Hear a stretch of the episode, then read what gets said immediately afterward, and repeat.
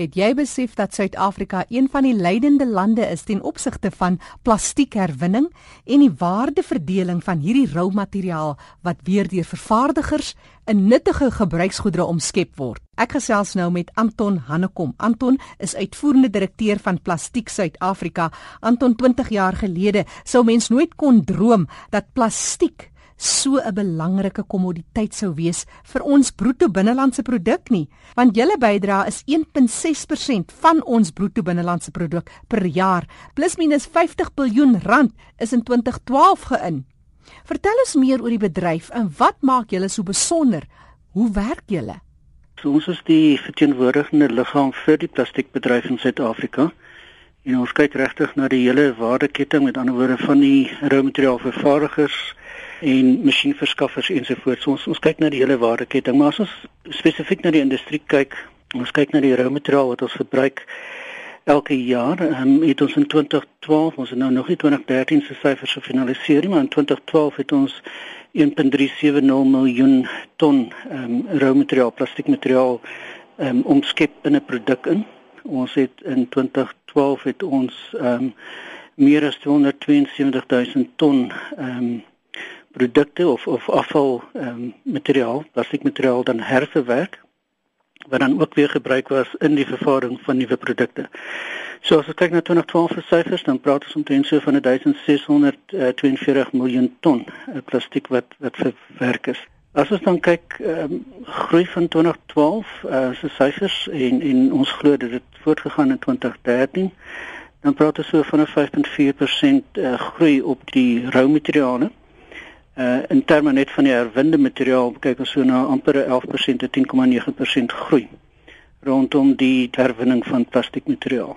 Ons neem omtrent so 60000 mense in in diens in die formele kant. Ehm um, as ons kyk net na die informele sektor wat spesifiek fokus is op die herwinning van plastiek, dan kyk ons so na 40100 mense wat hulle bestaan maak uit die uit die versameling van afvalplastiek. As ons kyk na die eh, die, die bruto binnelandse produk dan dra plastiekbedryf so 1,6% by tot die Suid-Afrikaanse uh, bruto binnelandse produk, so ongeveer 50 miljard rand per jaar. Watter lande in die wêreld loop voor as 'n mens nou kyk na die verwerking van iets soos plastiek met hierdie tipe navorsing en hierdie tipe innoverende uh, bedryf? Ek wil sommer begin deur te sê dat ehm um, Suid-Afrika is een van die voorste lande in die herwinning van van plastiek en spesifiek as ons kyk na meganiese herwinning uh, van plastiek. As ons Europa gebruik as die as die maatstaf, binne Europa is daar 'n uh, paar lande wat so praat van uh, 90 tot 99% wat hulle herwin. Uh, maar dan moet mens ook gaan kyk na die syfers wat hulle gebruik en dan net seker maak dat ons dieselfde syfers gebruik. So as ons as ons net na die ehm um, die herwinning van verpakkingsmateriaal kyk, dan dan sit hulle hier by die 26% in Europa en ek vat die hele Unie, die Europese Unie saam. En as ons uh, ekskuus, dit is die totale herwinning van uh, van plastiek. En dan kyk ons hier net na 'n uh, syfer so by die 20%, 19,9%. Ehm um, as ons so kyk net uh, ook dan na die materiaal wat wel uitgevoer word, met ander woorde wat nie na die vullishope toe gaan nie dan sit ons hier by die 21%. So 21 teenoor 26% is 'n baie baie goeie syfer. Ehm um, maar wat mense ook vergeet om te kyk, ek ek het nou die syfers gewys na uh, meganiese verwerking. Ehm um, wat die Europese lande baie doen is die herwinning van uh, plastiek of of om energie uit plastiek uit te kry. So hulle stuur dit baie deur uh, incinerators as ek dit so kan noem en met ander woorde verbrand plastiek um, in oonde om die hitte daarvan weer te kry wat hulle gebruik vir ehm um, dit sê elektrisiteitsverskaffing of dan energie verskaf, hitte verskaf uh, veral in die wintermaande wat hulle baie koud is. Ander nou, maar as jy nou praat van daai tipe proses, Hoe omgewingsvriendelik is dit werklik as jy nou kyk daai gasse wat vrygestel word? Ja, daar's baie kommentaar rondom dit, ehm um, maar die bewyse is dat die nuwe tegnologie uh, geen lig uh, besoedeling veroorsaak nie, uh, dat dit baie ehm um, uh, veilig is om te gebruik. Maar nie een van daai tegnologieë word in Suid-Afrika gebruik op die oomblik nie. Ons ons is besig om 'n uh, paar toetslopies te doen rondom byvoorbeeld energie van um, of of dan um, ons noem dit marine uh, fuel uh, te skep uit plastiek afval uit. Daar word gekyk na incineration, maar dit is nog redelik vroeë stadiums. Um, in Suid-Afrika word dit nie op, toegepas op 'n groot skaal nie. Anton, jy werk elke dag met plastiek. Vir jou is dit tweede natuur, is jou brood, jou botter en ook die konfyt op die brood. Maar as jy nou net so op trappie kan terugtreë en net vinnig, baie vinnig vir ons verduidelik vir iemand wat nou nie weet hoe word plastiek van watter materiaal afkom plastiek, hoe word dit vervaardig? Baie kortliks, wat sê jy? Hmm. Uh tradisioneel word word uh, plastiek vervaardig van uh, fossil fuels af, met ander woorde ruolie. Uh dit gaan deur 'n verskeidenheid van uh, prosesse, crackers ensovoorts. Dit is maar 'n chemiese proses waar die die plastiek dan uh, gevorm word. In Suid-Afrika word ons hoofsaaklik uh, maak ons gebruik van steenkool omdat ons nie hierdie olie tot ons beskikking het op 'n goedkoop basis nie. Uh daar word ook gebruik gemaak van gas um, om om plastiek te vervaardig. Is dit 'n baie intensiewe duur proses? Ek dink dit is 'n intensiewe proses. Ehm um, dit is redelike tegnologie uh, wat in die proses ingaan. So ja, dit is 'n redelike relatiewe duur proses om te doen. Ehm um, want dit word gekoppel direk aan die aan die prys van van Brent 3 olie. Ja en soos die prys verander, ehm um, het dit maar impak op op die prys van plastiek materiaal. Soveelste meer gee dit ons rede om juis te doen wat julle doen. Hierdie tonne en tonne elke jaar te herwin en te verwerk. Vertel ons van die uitdagings saam met dit kom ook geleenthede. Ja, ek dink baie van die uitdagings wat ons beleef het die laaste jaar of 2 en wat ons uh, waarskynlik in 2014 ook sal beleef, uh, is maar invoere wat baie goedkoop is. Ehm um, daar's heelwat oorkapasiteit uh, wêreldwyd in in sekere subsektore en uh, as gevolg van die 2008 um, ekonomiese insinking. So baie van die ehm um, oorkapasiteit word maar uitgevoer na na ander lande toe en ons is bereid om dit teen 'n baie laer prys te verkoop net om hulle produk en masjinerie en hulle fabriek aan die gang te hou. So dit het nog 'n groot impak op ons. Ehm um, ons sit nog met industrie wat tot 'n sekere mate ou tegnologie het waarna gekyk moet word. Ehm um, daarmee saam van 'n redelike groot kapitaalinvestering wat nodig is om hierdie toerusting te vervang en uh, op te gradeer. Ek dink ons sit in 'n land wat produktiwiteit ehm um, nie altyd so hoog is nie en is iets wat ook na gekyk moet word. En dan dink ek tot 'n minder mate maar daar is tog 'n tekort aan sekere vaardigheid veral op 'n hoë tegniese vlak en in bestuurs uh, vaardighede het ons nog 'n redelike tekort um, aan vaardighede. Nou sies jy sê met die uitdagings is daar redelik geleenthede ook in in in goed waarna ons moet gaan kyk. Uh, een van ons uh, dryfvere is maar innovering binne die bedryf. Ehm um, innovering Uh en ontwikkeling is uiters belangrik vir ons en ek dink as mense gaan kyk daarna wat is innovering, uh, dan is dit maar 'n proses, 'n proses waar ons begin anders kyk en dink oor dit wat ons doen en en hoe ons ons materiale aanwend. Ons moet begin anders te dink oor tegnologie. Ons sit in 'n land waar daar redelike hoë elektrisiteitspryse is. Ons uh, vervoerkoste tussen stuur en goed begin baie duur raak as gevolg van ehm um, die olieprys, ons petrolprys, die tol wat bykom. Ons moet begin innoverend wees met die prosesse waarmee ons besig is en hoe ons dit hanteer. Hmm. Uh, Daar's redelike nuwe tegnologie beskikbaar. Ek dink uitvoere is een van die geleenthede en spesifiek in Afrika. Maar ek dink een van die groot uitdagings gaan bly die herwinning van van plastiek. Een van ons nuwe inisiatiewe is om te verhoed, as ek dit in Engels kan sê, zero plastics to landfill. Met ander woorde, hoe kan ons verhoed dat plastiek op die vullishoop beland? Dis Anton Hannekom wat gesels. Anton is uitvoerende direkteur van Plastiek Suid-Afrika. Anton, dit lyk my daar's tog verbetering. In Johannesburg is dit soveel makliker om te herwin. Daar's mense wat plastiek, glas en dan ook papier sommer in die straat voor jou huis optel. Jy sit dit net in verskillende sakke. Maar is dit so maklik vir mense in landelike gebiede, daar in die platteland? Wat is van die uitdagings wat julle mee sit as 'n mens die stad met die platteland vergelyk? Ek dink een van die goed wat uitstaan is dat daar 'n groot verskil is ten opsigte van die stelsels wat bestaan vir die insameling en die en die kollekteer van plastiek dan. Ehm um, in ons stedelike gebiede is dit die munisipaliteit se verantwoordelikheid om afval by juis te kom oplaai en en dit ehm um, dan of na die sortingsterreine te, te vat of dan dit laat herwin. As ons baie keer kyk na die plattelandse areas is bestaan daai stelsels nie of dit bestaan maar dit word nie werklik geïmplementeer nie. So dis een van die goed wat wat na gekyk moet word en wat 'n groot verskil inbring in terme van hoe ons dit benader. 'n Ander faktor wat wat 'n groot rol speel is die die volumes. Ehm um, in stedelike gebiede het jy baie meer mense, met ander woorde die volume van um, afvalmateriaal is baie groter. So dit maak dit meer ekon ekonomies om uh, herwinningsfasiliteite in plek te sit. Terwyl in die in die plattelandse areas ehm um, bestaan ehm um, daai hoeveelhede nie noodwendig nie. Daar daar's minder mense, dit is baie meer wyd versprei. En so jy moet die afval versamel, dit moet na 'n sentrale punt toe gegaan word waar dit dan ehm um, uitgesorteer kan word en en dan daarvan af moet dit weer na 'n fabriek gestuur word waar dit herwin kan word.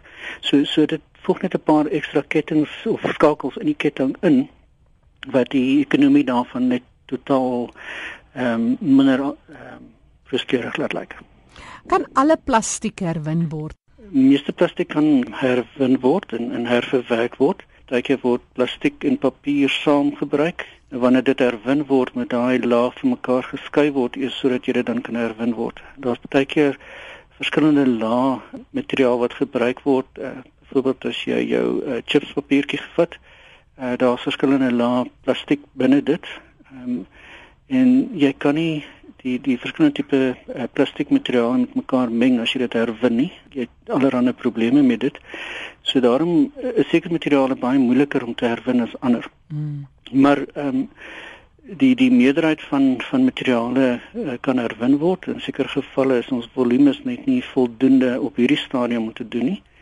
En daarom is as deel van hierdie hele uh, zero plastics to landfill deel van die proses is om saam met die munisipaliteit en die regering te werk om ehm um, kolleksiesisteme in plek te sit waar um, huishoudings begin om hulle herwinbare materiaal dan te skei van die nie herwinbare materiaal. En nou praat ek van al die uh, verpakkingsstrome soos hmm. papier en plastiek en, en glas en en blikkies.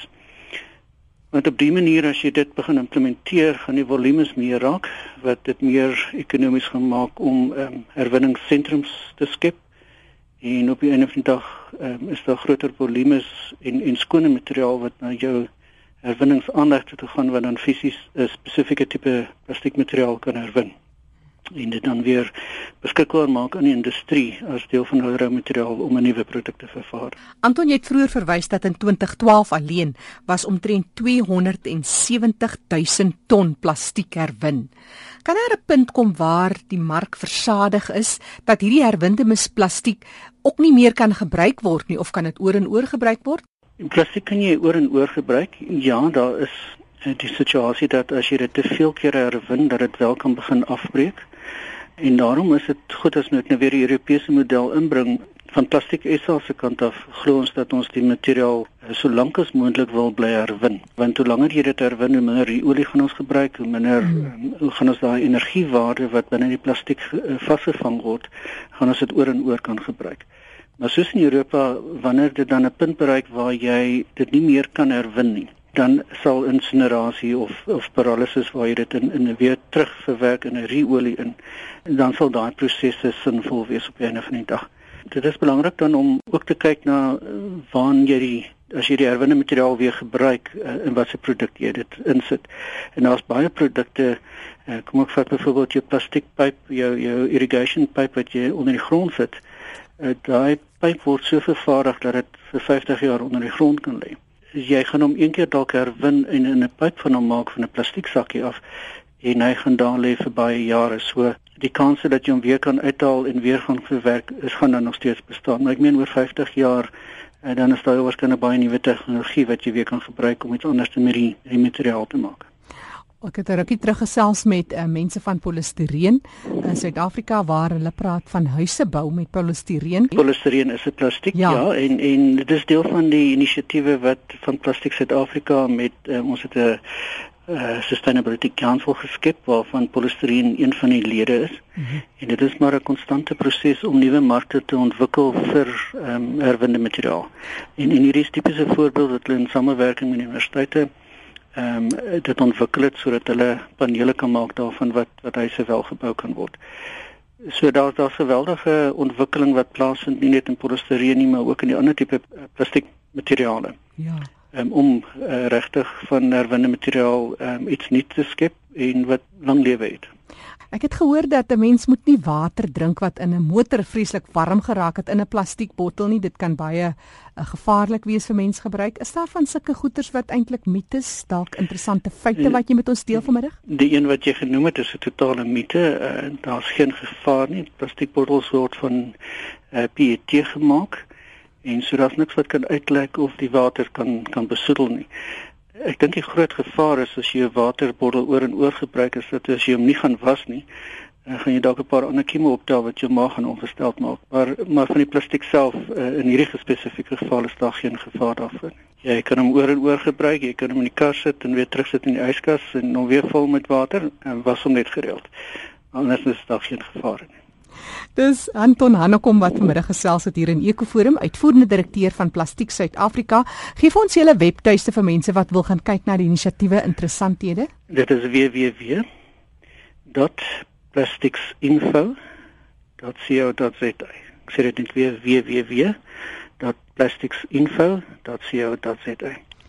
So dis plasticsinfo.co.za. Dis korrek. Ehm um, ek wil tog 'n uitdaging rig aan die aan jou luisteraars. Ehm um, plastiek is 'n veelsidige materiaal en en plastiek maak ons moderne lewe moontlik. Um, ek dink as mens mooi dink en jy al plastiek uit jou lewe uit gaan jy baie moeilik oor die weg kom. Maar hierdie uh, moderne lewenstyl bring ook 'n verantwoordelikheid vir ons mee en, en ek dink dis die uitdaging wat ek die luisteraars weer wil los is dat Ons het elkeen 'n verantwoordelikheid ten opsigte van wat ons doen met ons verpakkingsmateriaal soos dit klaar gebruik het. Ehm um, wat doen ons daarmee? En ek dink daai verantwoordelikheid is om seker te maak dat ons dit reg hanteer, dat ons dit uit die vullestroom uithaal, dat dit apart gebruik word uh, en en gekollekteer word sodat dit dan fisies weer in 'n nuwe produk verwerk kan word. Die uitdaging is dat hulle regtig saam met ons sal werk om te verhoed dat plastiek op vulleshope sal beland uh, en daarmee kom 'n verantwoordelikheid vir elkeen van ons om ons moderne lewenstyl uh, te kan handhaaf. En saam met dit kom natuurlik die uitdaging vir julle by Plastiek Suid-Afrika om dit so maklik as moontlik te maak vir Jan en San publiek dat hierdie verspreidingspunte, optelpunte redelik maklik beskombaar is by skole, in gemeenskappe, by die kerke en so meer. Dis heeltemal reg en as jy luisteraars wil gaan kyk na ons web ehm um, werf daar is 'n skakels daarop wat hulle sal vat na eh, 'n uh, webwerf toe wat vir hulle die naaste punt sal aanwys waar hulle hulle plastiek kan aflaai sodat dit daar sinvol van daar van af uh, herverwerk kan word. Baie inligting is op ons webwerf uh, beskikbaar. Um, ek stel regtig voor dat hulle gaan kyk daarna. As daar enige probleme is, dan um, is daar ook 'n uh, adres daarop wat hulle ons kan kontak en ons help hulle met graagte. Net iets heeltemal anders Anton. Hmm. As 'n mens praat van uh, plastiese chirurgie, wat is die rol van plastiek daar? Is dit heeltemal 'n ander wetenskap? Dit is heeltemal 'n ander konsep. Uh, dit is maar ehm um, plastieke woord kom ook maar dat dit 'n materiaal is wat gevorm kan word en in in 'n ander vorm gegiet kan word dat dit dat dit so bly. Maar ek wil wel noem dat binne die mediese bedryf daar geweldig baie plastiek gebruik word. Uh, jou hartklippe, uh, heupvervangings, al hierdie tipe van apparate deesdae is is plastiek en hierdie bedryf is besig om geweldig te groei uh, in Suid-Afrika maar ook wêreldwyd. Anton Hanekom is uitvoerende direkteur van Plastiek Suid-Afrika. Net weer hulle webtuiste, dis www.plasticsinfo.co.za.